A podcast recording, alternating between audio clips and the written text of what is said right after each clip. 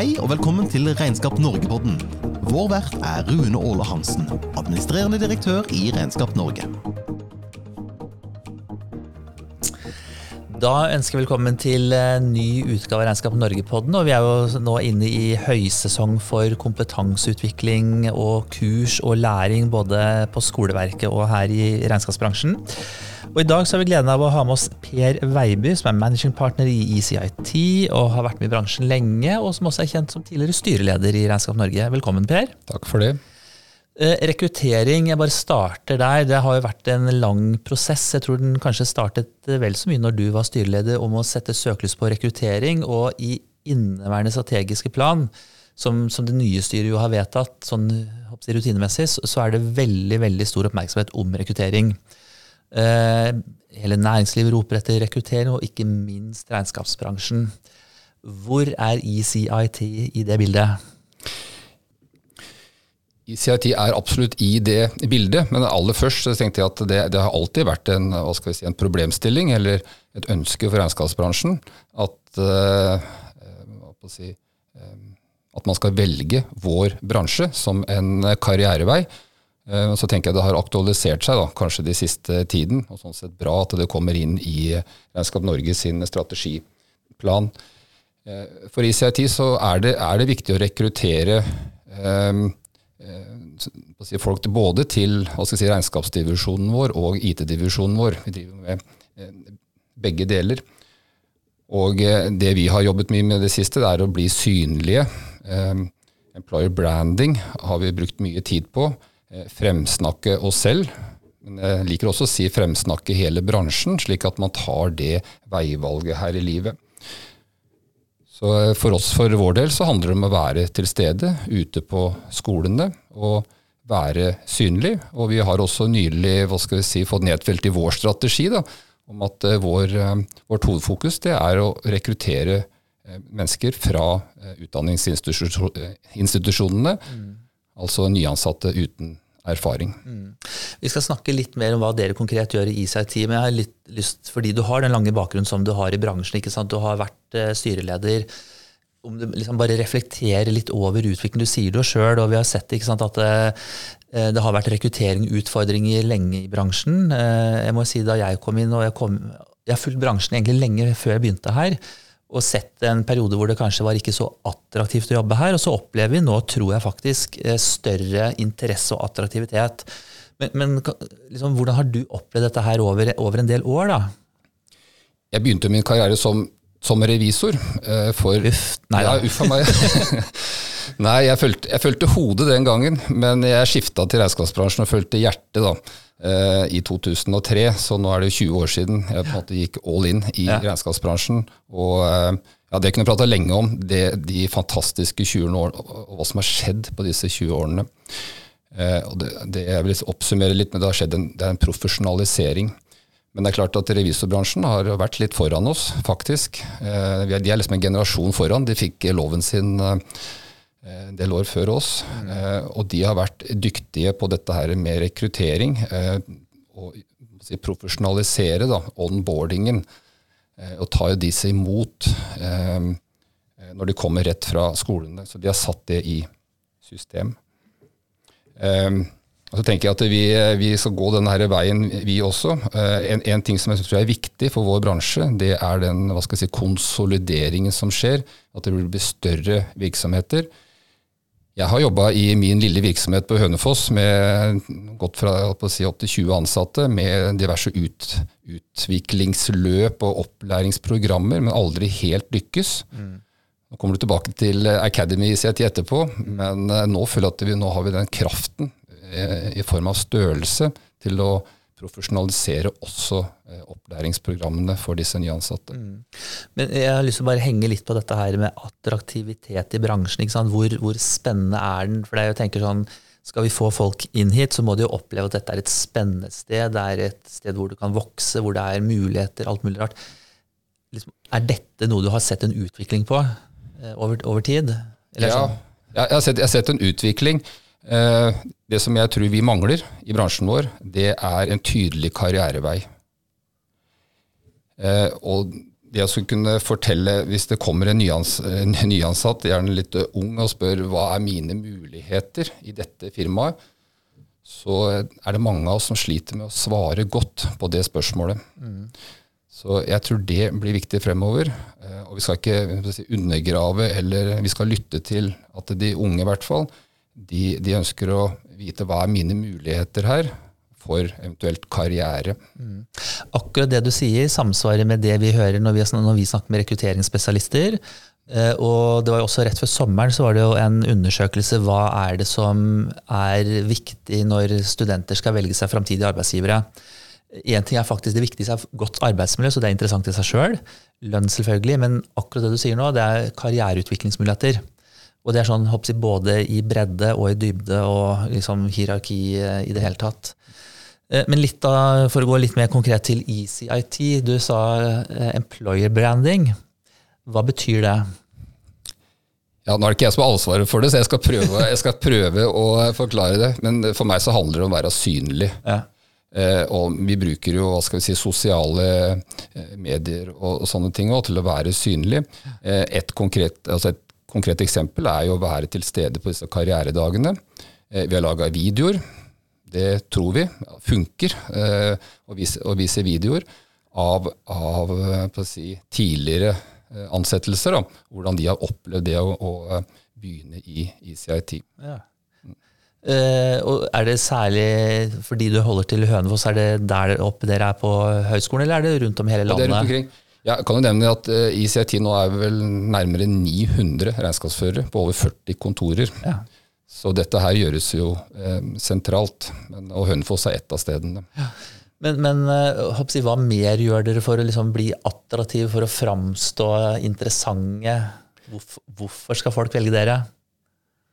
Ja, Noe som har vært helt konkret, og som har vært mitt, min uh, lille, lille, baby da, i, i CIT, det er å, å bygge opp et uh, opplæringsprogram for oss å gi dem muligheter. Fordi du er jo ikke ferdig når du er ferdig på skolen, du har et, godt grunnlag, men så er det å ta det videre. Og jeg opplever at de unge de ønsker utvikling. Det er mange ting som er viktig med arbeidsmiljø og lønn og karriere og sånne ting. Mm. Men eh, for meg selv, òg, hvis jeg skal velge arbeidsgiver, så ville jeg nok valgt noe som hadde et profesjonelt opplæringsprogram som mm. gjør at jeg kan utvikle meg.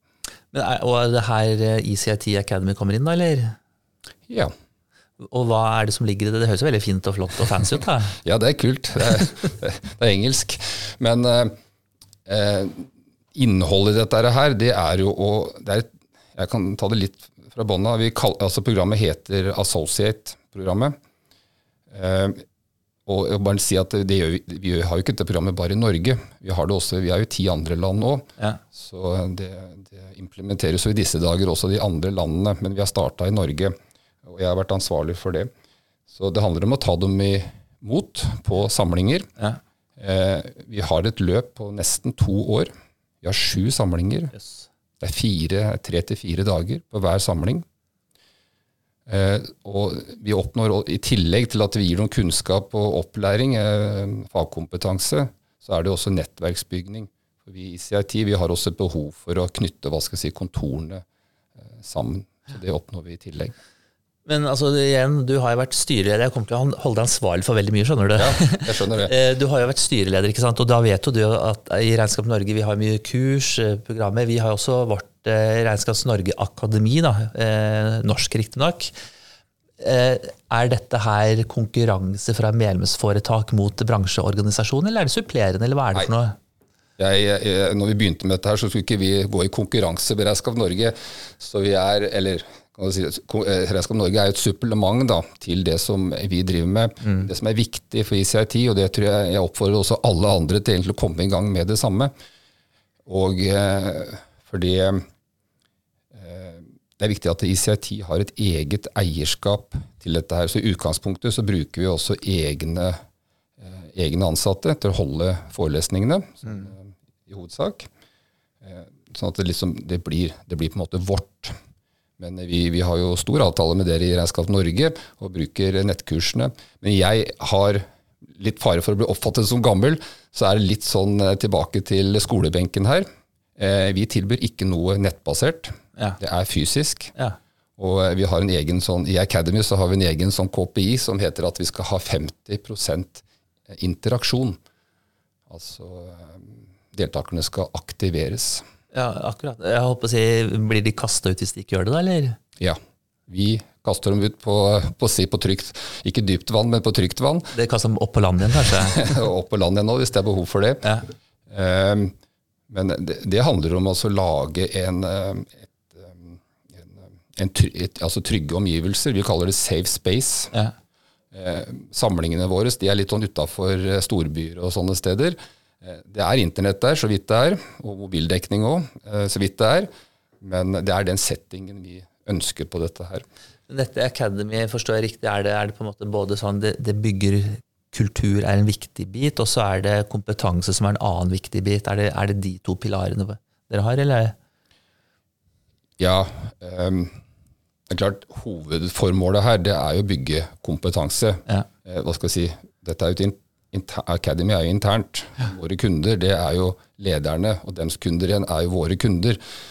Så vi må, ikke, vi må ikke glemme det fokuset. Så det er klart at vi har slike aktiviteter som bygger nettverk og det sosiale også. Men vi har mest fokus på jeg si, bygge kunnskap, eh, men både faglig og personlig. Mm. Betyr det at eh, det er Altså når dere rekrutterer, da, er det primært først og fremst unge dere rekrutterer, og så skal du ha dem, ha dem inn her? Fordi de erfarne folka de trenger ikke den kompetansebyggen, eller hvordan er det? Ja, det er, det er, det er, på, det er på, en måte de uten erfaring. Ja. Jeg liker egentlig ikke å si unge, for det kan jo være eldre som har si, omskolert seg eller tatt eh, Tatt, eh, tatt til vettet? tatt til vettet, ja. Blitt regnskapsførere. Så det er jo de som typisk da kommer fra utdanningsinstitusjoner, bachelor eller master, ja. uh, som ikke har den praktiske erfaringen. Men jeg tenker sånn, eh, for Dere satser jo skjønner jeg, en del på dette, her, det ser vi at dere gjør. ikke sant? Hvor mye kommuniserer dere, dere dette aktivt ut sånn i rekrutteringssammenheng? Eh, og Er dere på skolene og rekrutterer aktivt der sånn? Eller annonserer dere ja, i avisen? Eller hvordan, hvordan rekrutterer dere? Foreløpig er det kun via skolene ja. og i sosiale medier ja. som vi rekrutterer og si, viser dette her frem. da. Og eh, Det jeg håper også, det er at vi kan løfte dette her på, si, på Regnskap Norge-nivå for bransjen vår. fordi jeg tenker det, det som er vinn-vinn for oss alle, det er jo hvis eh, man tar det riktige veivalget, for å si det sånn, mm. på, eh, når man typisk går på videregående og velger en økonomisk retning, da, gjerne inn mot regnskap. Det ville være vinn-vinn. Mm. Og hvis det blir kjent at denne bransjen har et profesjonelt opplæringsprogram, og gode utviklingsmuligheter, så vil det være positivt for hele bransjen vår. Mm. Du, du, trakk jo parallelt til revisorbransjen, ikke sant? og der tenker jeg det er, det er enklere i den forstand, fordi der er det en håndfull store de er, Det er de som dominerer. Så har du noen, noen andre små, men de er store og velkjent med et uh, De kommuniserer veldig tydelig. Det er et uh, opplæringsløp seg imellom. I vår bransje så har jo dere har, altså ICTR Academy, eh, andre begynner å få tilsvarende. Aider har jo hoppsi sitt løp. Eh, og, og, flere begynner å jobbe med det. Så har jo vi selvfølgelig i Regnskap Norge de ulike kursene og sertifiseringsprogrammene og, og, og, litt av hvert. Hvor lett tror du det er å Eller klarer vi å få til en jeg sitter og tenker sånn, klarer vi å få til en samhandling, fordi det syns jeg er grunnleggende bra. Samtidig som jeg også forstår veldig at det ICIT ønsker å dyrke ICIT-kulturen. Aider ønsker å dyrke Aider-kulturen. Så det er, det er, liksom noen motstridende krefter der også, eller, eller hva, hva, tenker du? Ja, nei, jeg ser nok ikke helt sånn. Jeg tenker det bare er bra, jeg. Ja. Som du sier, at de andre, Aider og Assets og alle sammen har sitt opplegg. Mm. Og gjerne i, i, samarbeid med Regnskap Norge. Ja. Men eh, jeg tenker det er bra at vi, vi, kan gjerne konkurrere på det, men det som er vinn-vinn for alle her, det er at alle har det. Mm. Eh, at eh, alle skulle vært gjennom det samme opplegget på tvers av alle de, si, de større aktørene. Jeg tror ikke det er noe sånn At det ville vært noen stor gevinst i akkurat det. Mm. Men eh, kan du si litt mer om hvordan er selve programmet? Du sa det går over, går over et par år. Altså, igjen, altså, her tenker jeg dere bruker faktisk mye ressurser på det. da? Ja, vi, vi gjør det. Og vi liker å si at vi er en people business. Ja. Og si det, er, det er menneskene. Til og med i arbeidsmiljøloven står det at det er krav til utvikling og opplæring. Uh, og vi, vi har FNs bærekraftsmål til og med, så, så, eh, og ESG. Sånn at eh, vi føler jo det vi gjør er, er, er meningsfylt. Og det er, det er, en investering, absolutt. Og klart det å bygge programmene på egen hånd også er en, er en investering. Å få nettopp dette her eierskapet. Vi, vi, tar folk ut av produksjon. Ja. Men, men, vi må aldri gi oss med å, å, drive med opplæring og utvikling. Og vi kan ikke være redd for at folk slutter. For tenk om folk eh, blir og ikke får den utviklingen. Det vil nesten være verre. Ja. Så vi må liksom aldri gi oss med det. Det er klart at det kan være nedturer for enkelte ledere som har utvikla og lært opp sine ansatte, og så slutter de, og så er det på en måte på'n igjen. Jeg tenker vi må være tålmodige her, og aldri gi oss med det. Eh, jeg tenker sånn, Vi har også fått ny regnskapsførerlov nå i år. ikke sant, første, første i år, Den trådte i kraft med litt større krav, eller litt mer fleksibilitet i etterutdanningskravene. Jeg må bare ta, liksom, svinge innom der også. Ja. Um, har det hatt noe å si for dette programmet, eller er det litt sånn på siden, tenker du? Og da er det liksom på Nei. den etterutdanningsbiten. Ja, jeg, synes den, jeg, synes, jeg tenker det er, det er bra. Ja. Uh, men jeg er, nok, jeg er, nok, mer opptatt av kvalitet enn kvantitet. Ja. Og så er det så veldig fint at vi har fått den fleksibiliteten. At mm. de kan stole på oss. Ja. Eh, for En annen ting som er veldig viktig, det er at vi bygger på å si, ekspertise og spisskompetanse. Både på fagområder og på, og på eh, bransjer. Eh, men er ikke, jeg er ikke sånn veldig opptatt av akkurat den, eh, for vi, skal, vi fyller de timene uansett. Ja. Eh, men jeg er opptatt av hvilket innhold vi har i disse her kurstimene. Ja. Ja, for det, er litt sånn tilbake til Academy. altså Du, du sa det litt generelt. Kan du være litt sånn mer konkret? Hva er det faktisk de lærer der? Er det, er det bærekraft? Er det regnskap? Er det people, altså relasjonshåndtering? Jeg vet ikke. Ja, det er, kunde... det er mye. Men jeg kan kanskje litt sånn overordna si at litt av metodikken vår, det, det handler om at vi, vi skal trene. Vi skal trene før vi går ut i, skar, i skarpe case. Da. Ja. Det er litt sånn militært, dette her, men, men eh, vi, skal, vi, skal, trene. Altså hvis du skal eh, hvis du skal bli en pilot, så er det litt vanskelig å lære det med å få det muntlig eller få det på en powerpoint. Ja. Du må inn i simulator, og du må ha hjelp til å få letta dette flyet. Ja. Uh, mens bransjen vår tror jeg er litt sånn prega at vi, vi, trener i skarpe case, da, eller i kundecase, i kundemøtene. Så vi, vi, bruker ganske mye tid på trening. Vi bruker også ganske mye tid på at de skal legge frem, eh, uh, eller presentere selv, og stå foran å presentere et fagområde. For eh, vi, kan, vi relaterer det tilbake til egentlig kundemøtene. Mm. Vi skal presentere f.eks. hvordan utbytteskattereglene fungerer. Mm. Kunder som ikke kan det, så, så, krever det litt av oss å forklare det på en måte som gjør at du forstår det. Det hadde vært fristende å spørre om akkurat det nå, men det skal jeg ikke gjøre. ja, gjerne det. Og bare for å ta det, holde på det eksempelet der. så Man kan godt vise, fortelle det muntlig. Ja. Da tror jeg du glemmer det ganske fort. Ja. Jeg kan godt fortelle det på en powerpoint. Da husker du kanskje litt. Eh, bruker jeg noe tall, så husker du kanskje litt mer. Men hvis du får en case hvor du må regne på det selv, du får et blankt ark, du har kalkulatoren på telefonen, så kan jeg at det sitter. Og hvis du tar det siste nivået, at du skal stå foran og presentere utbytteskattereglene, mm. da virkelig forstår du dem. Mm. Jeg sitter og tenker nå også samtidig at uh, på den ene siden så har vi jo snakket om at eh, dagens studenter, eller kommende arbeidstakere, de er opptatt av karriereutvikling. Samtidig som jeg tenker eh, de som da er studenter, de er ferdig omsider med studiet og liksom endelig skal ut og virkelig begynne å jobbe. Og så begynner de å jobbe et sted, og så blir de pålagt to år til med i gåseøyne etterutdanning eller videreutdanning. da nå setter jeg det på spissen. ikke sant? Hva får dere tilbakemelding, hva slags tilbakemelding får dere fra de som begynner hos dere? ikke sant? For de er klar over at de kommer inn i dette løpet. Og jeg kan se masse positive sider ved det. Og så tenker jeg sånn, kanskje det er noe, noe minus. Jeg, jeg, vet ikke. Eh, hva, får, Nei, hva, hva, hva sier de? Jeg, jeg kan begynne å skryte litt. At vi får gode tilbakemeldinger. Og så tenker jeg, hvorfor gjør vi det? Eh, det som er litt typisk for bransjen vår, det er at du går liksom rett ut i produksjon. Ja. Det er litt det er litt for mye av det. Eh, og da forstår du ikke helt hvorfor. Altså bare før det på momskode 1.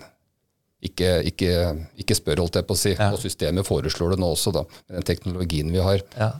Så det vi er opptatt av, er at vi skal skape interesse. og Vi skal på en måte forstå hvorfor. Og For å holde på det eksempelet nok en gang med utbytteskatten, eh, så, så, ikke sant, så prøver vi å skape litt interesse mellom hva, hva mener Arbeiderpartiet, hva mener altså, nåværende regjering. Eh, så blei jo det den endra, f.eks. med at SV i, i, i forliket der så ble den endra. Hvordan skal vi råde kunden her i forhold til å gi utbytte? Og da skaper vi litt interesse for uh, dette her. Min drøm er jo at vi, når statsbudsjettet kommer, ikke sant, det er jo julaften og bursdag på én gang, at det skal bli det for flere. Ja. Og jeg tenker Det du beskriver nå, så tenker jeg det må jo være egentlig oppleves veldig sånn relevant og matnyttig for, eh, for de nye medarbeiderne. da. Er det? Ja, de forstår litt mer hvorfor. Ja. Eh, og eh, vi jobber jo også med altså, liksom at det skal være, være skal si, pedagogisk. Vi skal, vi skal, holde oss til teorien, vi skal ikke glemme teorien. Vi har den i, i bånn. Vi, vi, prater ikke altfor mye om paragrafer og sånt, men vi skal relatere teorien altså til, til praksis. Da. Mm. Så Det er det vi uh, utvikler oss på i Academy, og klare akkurat det. Mm. Jeg må spørre litt mer, fordi eh, veldig mye av de kursene vi har, som jeg er ganske sikker på dere også er innom, da, det er jo nettopp skatteregler, momsregler, de klassiske regnskapsreglene. Og så har vi begynt med disse sertifiseringsprogrammene som du kjenner til. Lønn og hår har vært en god stund, og etter hvert har det kommet eh, MVA-rådgiver, IT-rådgiver osv. Altså andre type tilstøtende tjenesteområder, liker jeg å kalle det, eller nye, nye, områder. Eh, noe av det vi kommer til å jobbe mer med framover nå, eh, håper jeg på, eh, er jo se på eh, sertifiseringsprogram for bærekraftsrådgiver. Uh, og ved siden av alt dette her, og noe av det som bl.a. IT-rådgiver ser på, er jo knytter seg til teknologi. Altså ikke det å være programmerer, men å kunne være en sparringspartner og rådgiver sånn rent teknologisk alle disse sideområdene som jeg nevner, er det ting som dere dekker i akademiet, eller, eller hvordan er det? Ja, Det er både og. Ja. Altså, noe er vi opptatt av at du skal ha grunnleggende kunnskap om. Altså basic. Det kan være moms, det kan mm. være skatt mm. og sånne ting. Eh, andre får du litt mer smakebiter på. Du får litt sånn bare kjennskap til. Eh, jeg er opptatt av at det skal være nok hva skal jeg si, fagkompetanse knytta til vi, også, vi lærer om verdivurdering. Vi lærer om konsernregnskap. Vi lærer om due diligence. Vi lærer om transaksjoner, avtalerett, inkasso, konkursrett. Så vi har altså sånne type eh, temaer. Eh, jeg mener det er viktig for å liksom kunne bli en god rådgiver. Du skal ikke kunne alt, men du skal kunne litt om det når du sitter i et eh, kundemøte. Mm. Så, um, ja. Men er det også sånn hos dere som det gjerne er på, da, på en høyskole eller universitet? Man starter og kommer inn, og alle har samme, de, de samme kursene. Og så blir det spesialisering etter hvert. Er det noe tilsvarende spesialisering hos dere? Ja, det, ja det, det, er, det, prøver vi på. da. Ja. Eh, for jeg, litt, jeg, har hatt det som kjepphest i mange år. Vi må forlate det der A til Å-tankegangen. Mm. Det er liksom en hemsko. Eh, men jeg, jeg, tror ikke det prates så mye om det, er lenger, og det er, det er bra. Fordi jeg tror det handler mer om eh, ekspertise rundt fagområder. Eller kanskje det viktigste av alt er rundt bransjekunnskap. Ja Og forstå den bransjen for å bli disse her gode rådgiverne. Og det er morsommere sjøl å jobbe som regnskapsfører når du blir god på én bransje. Eh, systemforståelse eller systemkompetanse det er jo etterspurt overalt. Så du kan si vi jobber med det. Eh, og når man blir stor, sånn som, eh, eller størrelse, så gjør det at du kan ta en karrierevei innenfor systemkompetanse f.eks. Da er det rom og plass Eh, til det. Mm. Jeg tror jo at i framtida så blir alle er, må bli superbrukere på system. For det, jo, det, preger hverdagen vår, det preger eh, arbeidsmetodikken vår nå. Mm. Så alle må bli superbrukere på system. Det er ikke mm. slik lenger at det er én på kontoret som er superbruker. det er, Vi alle må være det. Og så må vi liksom ta førstelinjesupport, eh, noen av oss. Mm. Så skal bransjen vår utvikle seg, så må vi eh, enda, jobbe enda mer med den spesialiseringen. Og da tilbake, Nok en gang sant, til ECIT. Eh, det, det, er veldig populært ikke sant, dette med kompetansekartlegging for en virksomhet. Mm. Kartlegge kompetansen, kartlegge kompetansebehovet, og så skal du fylle gap. ikke sant? Her har dere et akademi, og så har dere en portefølje med kurs. ikke sant? Dere har noen hva skal jeg si, standarder som alle skal gjennom, og litt sånn eh, mulighet for å gå i dybden. Men hvordan styrer dere håper si, de ansatte? Er, er, det liksom helt fritt frem?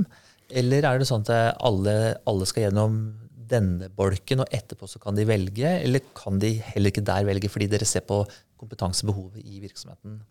Nei, i utgangspunktet så følger de det samme programmet. Men vi har en eksamen til slutt. Ja. Alle, alle består. Jeg vil kanskje ikke si her, men eh, alle, alle består. Du, du, må si at alle har bestått fordi de har vært ja, så flinke? Ja, så langt så har alle bestått. Ja. Um, men uh, der legger de fram min utviklingsplan. Ja. De legger fram sin utviklingsplan. Og den skal inneholde hvilken, uh, hvilken retninger man man trenger ikke bestemme seg helt. Dette skjer i dialog med den lokale lederen. Mm. Man skal ha et bevisst forhold til hvor er det jeg har lyst til å, å gå da, mm. de neste to til tre årene. Um, og Det kan jo f.eks. Være, være innenfor at du skal bli god på et system, f.eks. Det kan jo stå der. At du skal gå mer i dybden på å gjøre verdivurderinger. Vi sier nei til veldig mange kundehenvendelser pga. verdivurdering. Vi har ikke nok kompetanse på det. Så den eh, jobber vi med da, å bygge opp. Eller jeg skal bli god på konsernregnskap. Jeg har lyst til å bli ekstra god på akkurat det.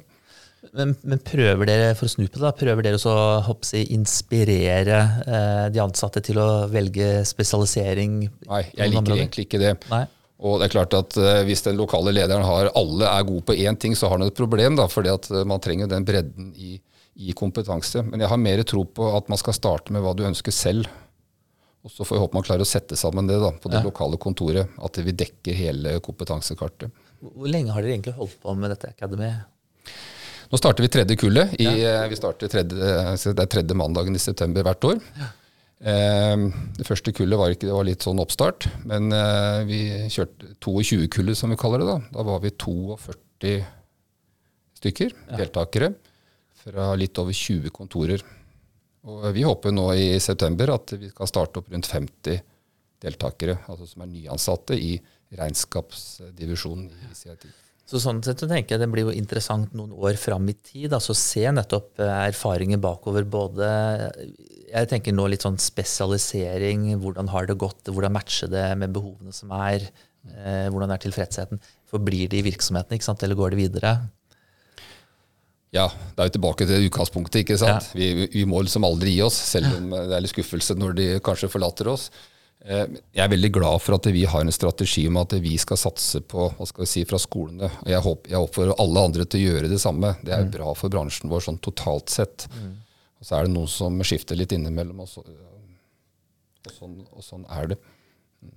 Ja, eh, og må, Til alle dere som lytter, jeg må bare ta en liten oppfordring her også. fordi I Regnskap Norge så har vi jo satt, eh, vi har et eget forum for både omdømme og rekruttering, som vi kaller det. Igjen, eh, omdømme og rekruttering er jo begge en del av eh, hovedstrategien eh, vår. Og der samler vi litt sånn gode krefter for å ikke, ikke, at vi hver og en skal løpe rundt, men at vi i fellesskap skal, skal gjøre en god innsats. Og vi kommer jo nå framover til å være på Målet er å være til stede på alle relevante karrieredager, fortrinnsvis sammen med ECIT, Eider, BDO, Xleger, altså alle, alle som på en måte er, er interessert, for å promotere bransjen. Det er liksom vår ambisjon. Uh, og vi har også ambisjoner om å være til stede på utvalgte utdanningsmesser, altså hvor du tar nivået eh, før. Hvor du treffer da de som skal inn på videregående skole, og allerede der uh, fenger interessen for regnskapsfaget. Og, men her tenker jeg, her er det virkelig sånn der, dette må vi gjøre i fellesskap. Det holder ikke at gåsene bare ICIT gjør det, eller bare Aider gjør det, eller bare assets gjør det. ikke sant? Eh, jo flere som gjør det, jo bedre er det. Ja. Og klart, eh, Regnskap Norge er samlingspunktet vårt. Jeg vet mm. at dere var til stede nå på sånn, eh, hva heter det for noe, karrieredag eller yrkesveidager mm. på, på, videregående. Jeg tenker Det er veldig riktig. Ja. For det er jo der man kanskje tar dette her valget da, i retning. Ja. Og så, jeg må jo også si, for jeg tenker litt når du sier, det er jo, og jeg skjønner liksom, det er jo litt trist hvis en ansatt slutter. Men jeg tenker egentlig så skal man jo være, ha en ambisjon, være kjempestolt av en ansatt som er superfornøyd, som velger å gå videre, og som eh, sprer de gode ryktene om hvordan god arbeidsgiveren har vært. Da, ikke sant? Og Det er jo det ene. Og det andre tenker jeg sånn eh, Vi skal bare sørge for at attraktiviteten i bransjen blir så stor at det kommer enda flere inn hit, eh, tenker jeg. Så det er litt sånn heia, heia, eh, egentlig. Men, men eh, vi snakker veldig mye ofte om de store foretakene, men utdanningsbehovet, kompetansebehovet, er jo stort også blant de små. Eh, og hva tenker du, Har du noen råd til hvordan de små skal håndtere dette her? Liksom, når de skal rekruttere nye, hvordan skal de kunne fortelle at jo da, du kan få kompetanse her, eller, eller ikke? F.eks. kan de abonnere på gjesteplasser hos dere? Ja, ja, ja, nei. Det, nei, det kan jo ikke sånn som vi er skrudd sammen akkurat nå. Da, for det er jo veldig og du kan si En annen ting med at vi, vi har eierskap til det selv, det er jo at det, vi har jo vår metodikk og arbeidsmetodikk og flyt og systemer og slikt noe. Så du får jo opplæring i akkurat det. Ja. Hvordan du skal skrive time, f.eks. Det er jo ikke likt i alle firmaer. Så, så det, er, så det, er, også en del av det, onboardingen her da, som vi tar inn i programmet. Jeg tenker Når det gjelder litt mindre, jeg har vært litt mindre sjøl. Som jeg nevnte litt i stad, jeg tenker at ha en, um, ha en, liten plan for det, i hvert fall. da. Ja. Um, og ha det, sette deg ned sammen med den nyansatte ta, ta, kurskatalogen til Regnskap Norge, sette sammen et program, eller delta på et sånt mer uh, større program mm. for de nyansatte. Uh, og sette sammen et kursopplegg og ha dialogen med den ansatte. Mm. Jeg, jeg, tror mye er gjort. Hvis du i tillegg kan bruke interne krefter til å gi opplæring, så, så er jo det ekstra bra. Ja. Jeg sitter også og tenker litt, Du fortalte at uh, dere, dere, har fysiske samlinger. Dere er jo offline, hvis jeg skjønte det riktig. I kontrast til det vi ser i Regnskap Norge. ikke sant? Fordi vi har gått ha, vi har fortsatt fagdager, eh, og vi har en del fysiske tilbud. ikke sant? Men i økende grad, særlig etter pandemien selvfølgelig, masse digitalt. Som også gjør at vi kan ha uh, Og det, dette ser vi på hvordan det utvikler seg, men vi kan jo ha éntimeskurs, to timer Altså de korte, intense, superspissa eh, Kall det dybdekurs, eller hva det måtte være. Og opplever faktisk ganske sånn god etterspørsel etter det. Eh, så knytter nok det seg til dels til etterutdanningsbehov og, eller kravene da, osv. Men, men hva er, igjen, du har jo sett denne utviklingen over tid. ikke sant? Fra til de klassiske heldagskursene til ja. nå, nå er en time her og et kvarter der, nesten. ikke sant? Ja. Hva tenker du om det? Eh, jeg tenker at Det er litt individuelt. For noen så passer ja, YouTube kan man bruke, og det er eh, nettkursen, og det er jo masse tilbud der ute. For noen så funker det. Er klart at For andre så funker det ikke. Hvis du liksom kjører tre parallelle kurs på eh, browseren din, og så eh, mm. googler svaret på kontrollspørsmålene, så er jo læringsutbyttet svært begrensa. Og du kanskje ser det i romjula, eller dagen før nyttårsaften så er jo læringsutbyttet begrensa. Eller hvis du har liksom mailen ved siden av og nettkurset på den andre skjermen. Men for noen så funker det. Så det, det litt, jeg tror det er litt individuelt. Mm. Så, eh, men jeg, tror, jeg, jeg, har litt tro på at man skal ha, ha, begge deler. Og det er klart, akademiene våre, da, eller Academy hos oss, det, det er fysisk. Mm. Så vi dekker den. Men det er klart at kan, hos oss så kan du ha tre timer om konsernregnskap. Men da sier vi at uh, i tillegg så er det et sekstimerskurs hos Regnskap Norge. Det uh, vi sier vel anbefaler mm. at du tar det i tillegg. Mm. Vi klarer ikke å gå så i dybden. Så da, da, da kan man bruke begge deler. Ja. Jeg ser nå eh, i Oslo-skolen bl.a., det er jo det er jo et stort utdanningsområde. Der, der er det mye diskusjon vært før sommeren, og det er vel fortsatt litt, om eh, altså digitalisering i skolen i form av iPad eller ikke, altså versus eh, gamle skrivebøker og penn og papir. ikke sant? Eh, og nå rett før sommeren så var det noen refleksjoner og noen erfaringsutvekslinger der eh, og man også intervjuet noen elever som opplevde selv at læringsutbyttet er bedre når du sitter og fysisk skriver med penn og papir. Eh, og de syntes det var greit å egentlig slippe iPaden. Og det syns jeg er interessant. Jeg vet ikke hvor representativt dette er, men likevel så er det interessant å registrere det. Eh, og da lurer jeg på, i lys av det dere har, da, tilbakemelding fra si, deres studenter, det å være ja. fysisk og ja. Jeg hadde egentlig bestemt meg for å ikke si det, men uh, siden du oppfordrer til det, da. Så jeg lærte å føre kasse dagbok. Men, uh, nå, man skal være forsiktig og liksom, si det, men jeg mener jeg har hatt glede av det. da, For å forstå hvordan et system fungerer med kasse dagbok og tabellarisk avslutning. Uh, for det er jo sånn systemene også jobber. Mm. Så det gjør at det er lettere å forstå. Så vi, helt, vi, er ikke helt der, men eh, vi er med penn og papir og blanke ark. Eh, hvor du må jobbe deg gjennom det. For det er nettopp den der med at du, du, eh, du hører og glemmer, og du ser og husker. Ja. Men du gjør og forstår. Da forstår du hvordan en skatteberegning skal gjøres. Ja, jeg holdt på å si, jeg Selv den gamle sånn T-kontoen, det er nesten bare, bare det å tegne opp og så se den, det gir jo en helt annen forståelse av balanse. ikke sant? T-konto bruker vi en del av. eh, Av kontoforståelse, som Ja. vi kaller det. eh, For å forstå hvordan tingene henger sammen, hvordan kontoer oppfører seg. Hvordan man skal klare å lese et, et regnskap. Og Siden du var inne på det temaet også, Jeg er også foreleser på USN. Da. Har vært så heldig å ha forelesningene på, på siste halvåret av bachelor, de som har valgt regnskap. Og da forteller du alle når de slutter, at de må melde seg, eller før de slutter, at de skal bli studentmedlemmer. ikke sant? Regnskap Norge, Ja, det gjør jeg òg. flott. Da får man sånne folder av deg når jeg går ut her. Ja. Eh, men klart, der, et av temaene blant lærerne der, det er hvordan vi skal få studentene tilbake. Og få, få studentengasjement på skolene. ja. Eh, og etter korona nå så ser vi at eh, vi har ikke klart å få studentene tilbake til skolene. Så iallfall på USN Ringerike hvor jeg er, og også i Vestfold og Bø, så tilbys det ikke nå eh, streaming eller nettbasert. Fordi det er viktig for eh, de skolene å få studentene tilbake, få engasjementet, få klassefølelsen. ja. Og også lærerne blir mer engasjerte, at studentene faktisk kommer og hører på. Men, og? Er, er det for å få mer læringsutbytte eller aktiv læring? eller liksom, Hva er hovedgrunnen til at, du vil, at man vil ha studentene tilbake? Jeg håper det at det ikke bare er et tvang, at det er det det faktisk er, og at det er det man faktisk ønsker. da. Ja. Eh, Så da må jo vi prøve å få liksom dytta, dytta på dem, da, så få dem tilbake til skolene. Ja, er- jeg har registrert flere utdanningsinstitusjoner problematiserer det, det samme. Og så er det samtidig litt eh, Jeg skal ikke si Det kan være paradoksalt, men det er interessant i lys av diskusjon om hjemmekontor. ikke sant? Fjernarbeid. Det å ikke jobbe på kontoret, men sitte hjemme på kjøkkenet. eller eh, ikke sant? Sånn at nå har du den etablerte generasjonen kontorarbeidere som gjerne, eller noen da i hvert fall, syns er veldig ålreit å kunne sitte hjemme. Det kan være praktisk ulike ting. Og så beskriver jo du en virkelighet som jeg hører fra andre også, at vi ønsker studentene tilbake til å være sammen.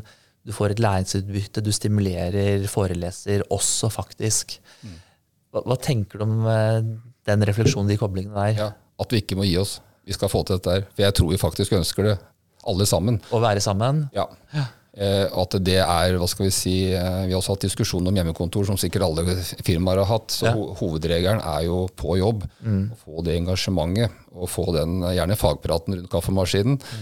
Eh, få det tilbake til, til kontoret. Det, det tror jeg bransjen vår på mange måter har lykkes med.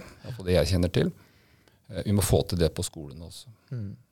Men du, vi må jo sitte, når vi sitter her, så må vi jo snakke litt om framtid også. ikke sant? Igjen, du har jo eh, 20 års fartstid i bransjen. Du har vært med, på, vært med på den reisen bransjen har vært med på. Jobber nå mye med kurs og kompetanse. Men nå er jeg mer ute etter hva tenker du om bransjen framover? Eh, hva er utviklingstrekkene som du ser? Det er jo mye spennende rundt oss. Ja, En grunn til at jeg bytta den gangen, da, for 20 år siden, var ikke sikkert jeg så det så tydelig da, men jeg ser det nå, at jeg hadde lyst til å være med på den reisen som eh, Nå ser jeg det i etterkant, da, som det har vært. Jeg skal ikke prate fremover, jeg skjønner det, men, eh, men det som jeg har vært med på, det er, det er det jeg vil kalle en profesjonalisering av bransjen vår. Et kort eksempel er når revisjonsplikten kom, så var det en del regnskapskontorer som var litt bekymra fordi eh, man ikke hadde nødvendig kompetanse på skattemelding f.eks.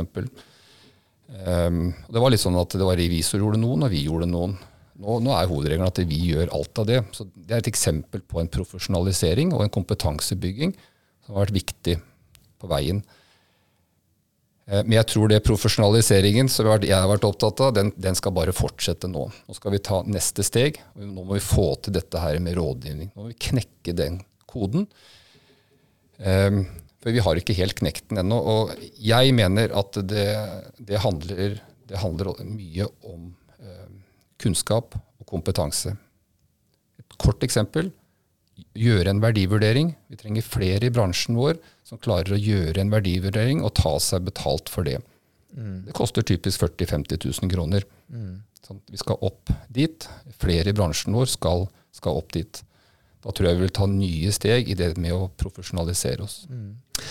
Og i tilknytning til denne utviklingen og det du beskriver da, jeg sitter fortsatt og tenker, eller da tenker jeg mye på digitalisering. Og her har det også vært en reise ikke sant, fra å være bekymra for digitaliseringen til å egentlig se muligheten. Hva er dine refleksjoner rundt dette her? For jeg er sikker på at du, altså Dette har jo du også meninger om. ikke sant? Og her er vi kan, vi kan putte systemleverandørene inn her. sånn, Vi kan si eh, arbeidsoppgaven til regnskapsføreren blir borte, de tradisjonelle. Hva skal vi da gjøre? Rådgivning er ett svar, men er det nok? Nei, den digitaliseringen Jeg, har sjøl aldri vært bekymra for den, da, men det er klart at man må ta det på alvor. Eh, fordi at arbeidsoppgavene våre har jo endra seg. Eh, så eh, man må liksom følge med. Eh, eh, men det som man ser, er at har fått, vi har fått bare enda mer å gjøre. Og det handler mer om at vi er litt sånn i hverdagen. Vi, vi har mer kontakt faktisk med kundene. Det er ikke sånn tomånedlig kontakt med kundene hvor de kommer med sine bilagspermer. Mm. Nå er det mer sånn hverdagslig kontakt med kundene våre. Så, sånn sett så har det bare blitt mer og mer å gjøre. Eh, jeg tror regnskapsbransjen er med på den digitaliseringen. Hvorfor det, noen mener det går litt sakte, det tror jeg at vi, ha, vi skal ha med oss kunden også på denne digitaliseringen. Så Den tror jeg bare, tror jeg bare fortsetter. og Den har løfta bransjen vår. Det, det, blir bare mer og mer spennende fremover. Mm. Men som du var inne på i stad, jeg tror det tilleggs... Uh, uh, det som har kommet i tillegg nå, det er denne rådgivningen som vi har prata om i mange år. Mm. Jeg, jeg, husker ja, vel, vel, en liten sånn digresjon, da, ja. for jeg var med og skrev den 50, eller fikk lov til å skrive litt i den 50-årsjubileumsboka vår. Da skulle vi skrive om dette med rådgivning. Det som var litt så morsomt, da, at vi så den boka som ble skrevet for 25 år siden, så var det litt sånn copy-paste. Så Det var en sånn liten sånn realitetssjekk på, på, hvor vi er. Men jeg, vi skal knekke denne her koden her. Jeg tror det ligger mye på dette med kompetanse og kunnskap, i tillegg til kommunikasjon. Mm. Ja, for jeg sitter og lurer på, er det da litt det også å tørre å ta seg betalt? Eh, jeg tror, jeg tror, oppriktig det skjer faktisk veldig mye rådgivning, men det nærmest kanskje forsvinner litt i det ordinære oppdraget. Da. Du tar den der, eh, Jeg spør litt, og så påstår jeg litt her nå. Men, du har et eh, regnskapsoppdrag, du skal lage årsrapport. ikke sant? Og så gjør du noen analyser og kommer med noen råd litt sånn i forbifarten. Istedenfor å ta deg betalt for den rådgivningsjobben. Er det litt der vi er, eller er, det, er, det, er vi et annet sted? Ja, jeg tror litt det som hin det er mange som har sagt lenge at liksom, bare, vi, bare, vi, tør oss å si fremsten, eller eh, si, bli bedre på kommunikasjon, da, bli bedre til å prate med kunden, så får vi det til. For vi ja. kan nok. Og ja, vi kan mye. Men eh, jeg vil nok kanskje, Mulig jeg provoserer litt nå, men jeg er ikke sikker på om vi kan tilstrekkelig nok til å være trygge. For jeg tror med den kompetansen så blir vi også tryggere i kommunikasjonen. Ja. Så jeg tror rekkefølgen går den veien. Ja. Og noe jeg håper bransjen vår skal klare å få til, som, vil, som, også vil være med å profesjonalisere oss, det er å få større kunder. Altså det jeg kaller for profesjonelle kunder. Hvor kundekontakten din kanskje er en økonomisjef. En større virksomhet. Mm. Det vil kreve noe annet av oss. Kreve en høyere profesjonalitet. Mm. Men akkurat det der er jo, tenker, det er jo litt sånn drømme, et drømmescenario. Og så har vi samtidig virkeligheten rundt oss hvor 95% av næringslivet er mikrobedrifter. ikke sant? Under ti ansatte. Åssen får vi da tak i den store, den store, kunden da? Skal vi slå dem sammen, eller? Ja, kanskje vi skal opp, ja, hvis vi, på, hvis vi blir gode på fusjon og hjelpe til med transaksjoner og oppkjøp, og sånt, så kanskje vi kan bidra på den måten. Men er, selv om det er stor, høy, høy prosentandel av dem, så er det jo svært mange mellomstore og store bedrifter ja. som ikke har outsourca regnskapet sitt. Så her er det jo det er store muligheter i det markedet der. Du, nå må jeg bare stille et spørsmål helt på siden av det vi hadde tenkt å snakke om. Men apropos store kunder og andre kunder. Eh, jeg vet man har snakket om det før, i hvert fall i perioder. Eh, det å bistå kommuner med regnskap. Hva tenker du om det? Ja, ja, tenker jeg. Ja. Ja. ja det vil være kategorien store kunder. Ja. Det vil kreve bransjekompetanse, det vil kreve på en måte spisskompetanse innenfor uh, kommuneregnskap. Da. Mm. Litt andre kontoplaner osv. Så, videre, og så, videre. så det er ikke noe i veien for det. Nei, altså jeg, nå kjenner jeg kommuneregnskap fra en litt annen side, og det er som du sier, det er litt annet regelverk de forholder seg til. Jeg tenker Av og til så slipper de litt billig unna, for det er offentlig sektor. Men hvor lett er det for en hoppsi, klassisk regnskapsfører tror du, å gå inn og ta da, et uh, føre regnskap for en kommune? Det er jo ikke bare bare. Man skal ha respekt for det. Og vi skal jo både ha på å si eh, kompetanse og kvalitet, som det står i, kapasitet, som det står i regnskapsførerloven vår. Eh, Det er, klart det er da jeg har igjen tro på litt at vi eh, konsoliderer bransjen vår, at det blir større enheter. For en stor virksomhet kan investere nettopp i den kunnskapsbyggingen, slik at man kan ta disse kundene og har et stort nok miljø internt til å håndtere den type kunder. Kanskje dette blir et sånt, der, et, sånn der valgfag på ECIT Academy, kommuneregnskap? Ja, jeg skal notere meg det. Okay, det, liksom, du, du skal få det billig fra meg. Du får det gratis faktisk etter rådet. Men vi, må, vi skal begynne å runde av litt, men da må jeg spørre deg, som jeg spør en del andre, men nå spesielt deg med den fortiden du har som eh, styreleder. Eh, Du har jo ansvar for eh, mye av det vi er i dag. Medansvar, i hvert fall. Hva tenker du det er viktig at Regnskap Norge gjør framover? Ja, Fortsette å være det samlingspunktet eh, som dere er. Eh, og eh, hva skal vi si, skape de møtearenaene som dere har. Eh, dere har mange av dem. Dere har U35 fortsatt, og dere har storforum osv. Og, så videre, og IT-forum osv. Eh, og siden jeg først er her, da, så må jeg si at jeg håper årsmøtet blir et fysisk eh, samling i fremtiden. Jeg syns det var fantastiske samlinger, så må jeg bare få sagt det. Eh, eh, jeg har som sagt blitt kjent Regnskap Norge på innsida som styreleder, og det, det er en fantastisk organisasjon. Utrolig mye dyktige folk. Eh, og så må dere fortsette eh, å ha det medlemsfokuset som dere har. Liksom at det er kundene deres, da. Eh, det syns jeg dere har. Og dere klarer, må også klare å, følge, å klare å følge med i tiden. Eh, og f.eks. nå handler det om rekruttering, og da må det inn i, inn i strategiplanene, nettopp sånn som dere har gjort. Og så må vi være sammen om å heie på Regnskap Norge. Og til de som lurer, bare for å ha sagt det, da, så i forbindelse med overskudd nå, så har vi i dagen før, altså i forkant av overskudd, så har vi egen U35-samling. Eh, altså fysisk treff, det andre nå i år. Og de som er nysgjerrig på dette her, og kanskje ikke har tid gang, denne gangen, men senere, bare ta kontakt. altså Sjekk på nettsidene våre, så kan man jo ta kontakt der. Eh, IT-forum er jo superrelevant. Det er revitalisert nå etter pandemien også. Så det er, det er for de som da hva skal jeg si, jobber med IT-relaterte spørsmål. Ikke som programmerer, men som, mer som på rådgiversiden. Så også der er det bare å ta kontakt hvis man er interessert. Og ellers mange møteplasser. Eh, Erfa-gruppen er jo en viktig møteplass. Eh, det er litt eh, ulik aktivitet rundt om i landet, men, men eh, der skal vi nok også ha en samling for Erfa-ledere, gruppeledere, nå igjen i høst. Eh, Og hvis det er noen som lytter og lurer på hva det er, så er det bare å ta kontakt. Så egentlig bare sende en oppfordring ut. Så, men er det, er, det noen, liksom, er det noen ting du tenker vi burde jeg enten satsa mer på eller droppet, eller Ja, andre nevne, ting? altså, ja, altså næringspolitisk. Ja. Jeg har egen avdeling for det. Ja. Um, Fantastisk dyktig avdeling, det også. Ja, ja, absolutt. Jeg er så heldig å være, sitte i fagutvalget også og jobbe tett med, med dem. Og jeg liker jo at Regnskap Norge har en liten, gjort en liten endring, også etter at jeg var eh, inne her, eh, med å være litt mer aktiv og kanskje rette seg mot da småbedriftene. Vi skal jo være politisk uavhengig i Regnskap Norge, men likevel litt tøffere til å ta standpunkt. Um, og, eh, og tørre å si fra. Og Det syns jeg har vært en eh, positiv endring eh, det siste. At vi, at vi har gjort, et, gjort en liten endring der, da. Ja, det er det som skjer når vi skifter styreleder, vet du. Nei da. Nei, men det er veldig hyggelig å høre. Og så kan jeg bare jeg presisere og si at eh, vi er partipolitisk uavhengige med i høyeste grad en interesseorganisasjon for bransjen, og dermed har vi politiske standpunkter. Men det er veldig sånn, ikke veldig, det er faglig eh, fundert og relatert. Eh, veldig mye med utgangspunkt i det som fagutvalget jobber med, og ikke minst med utgangspunkt i henvendelser som kommer inn til fagstøtte, ikke sant, og medlemshenvendelser på, på, på forskjellig vis. Og også her har vi jo veldig klare føringer i strategien vår nå. Bl.a. Blant annet et punkt som vi har kalt å være, ta rollen som bransjens advokat. Og det å være litt den derre eh, Vi skal ha godt samarbeid med myndighetene, men når vi opplever at eh, beslutninger der er urimelige på en eller annen måte, så skal vi også med rak rygg si at dette er uakseptabelt.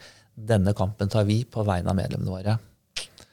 Så vi skal fortsette på det sporet. Ja, Hvis vi skal prate om hvitvaskning og kontroll på det, så får vi, lage en ny, starte en ny podkast her. Ja. Ja. Men eh, jeg er veldig enig at dere da, at dere da sier, opp, eller sier fra på vegne av bransjen. Du tenker at vi er på rett vei da, Per? Ja, jeg har troa. Det er veldig godt å høre. Tusen takk for at du kom i studio, Tusen takk for meg. og lykke til videre med kullene dine. Takk for det. Takk skal du ha.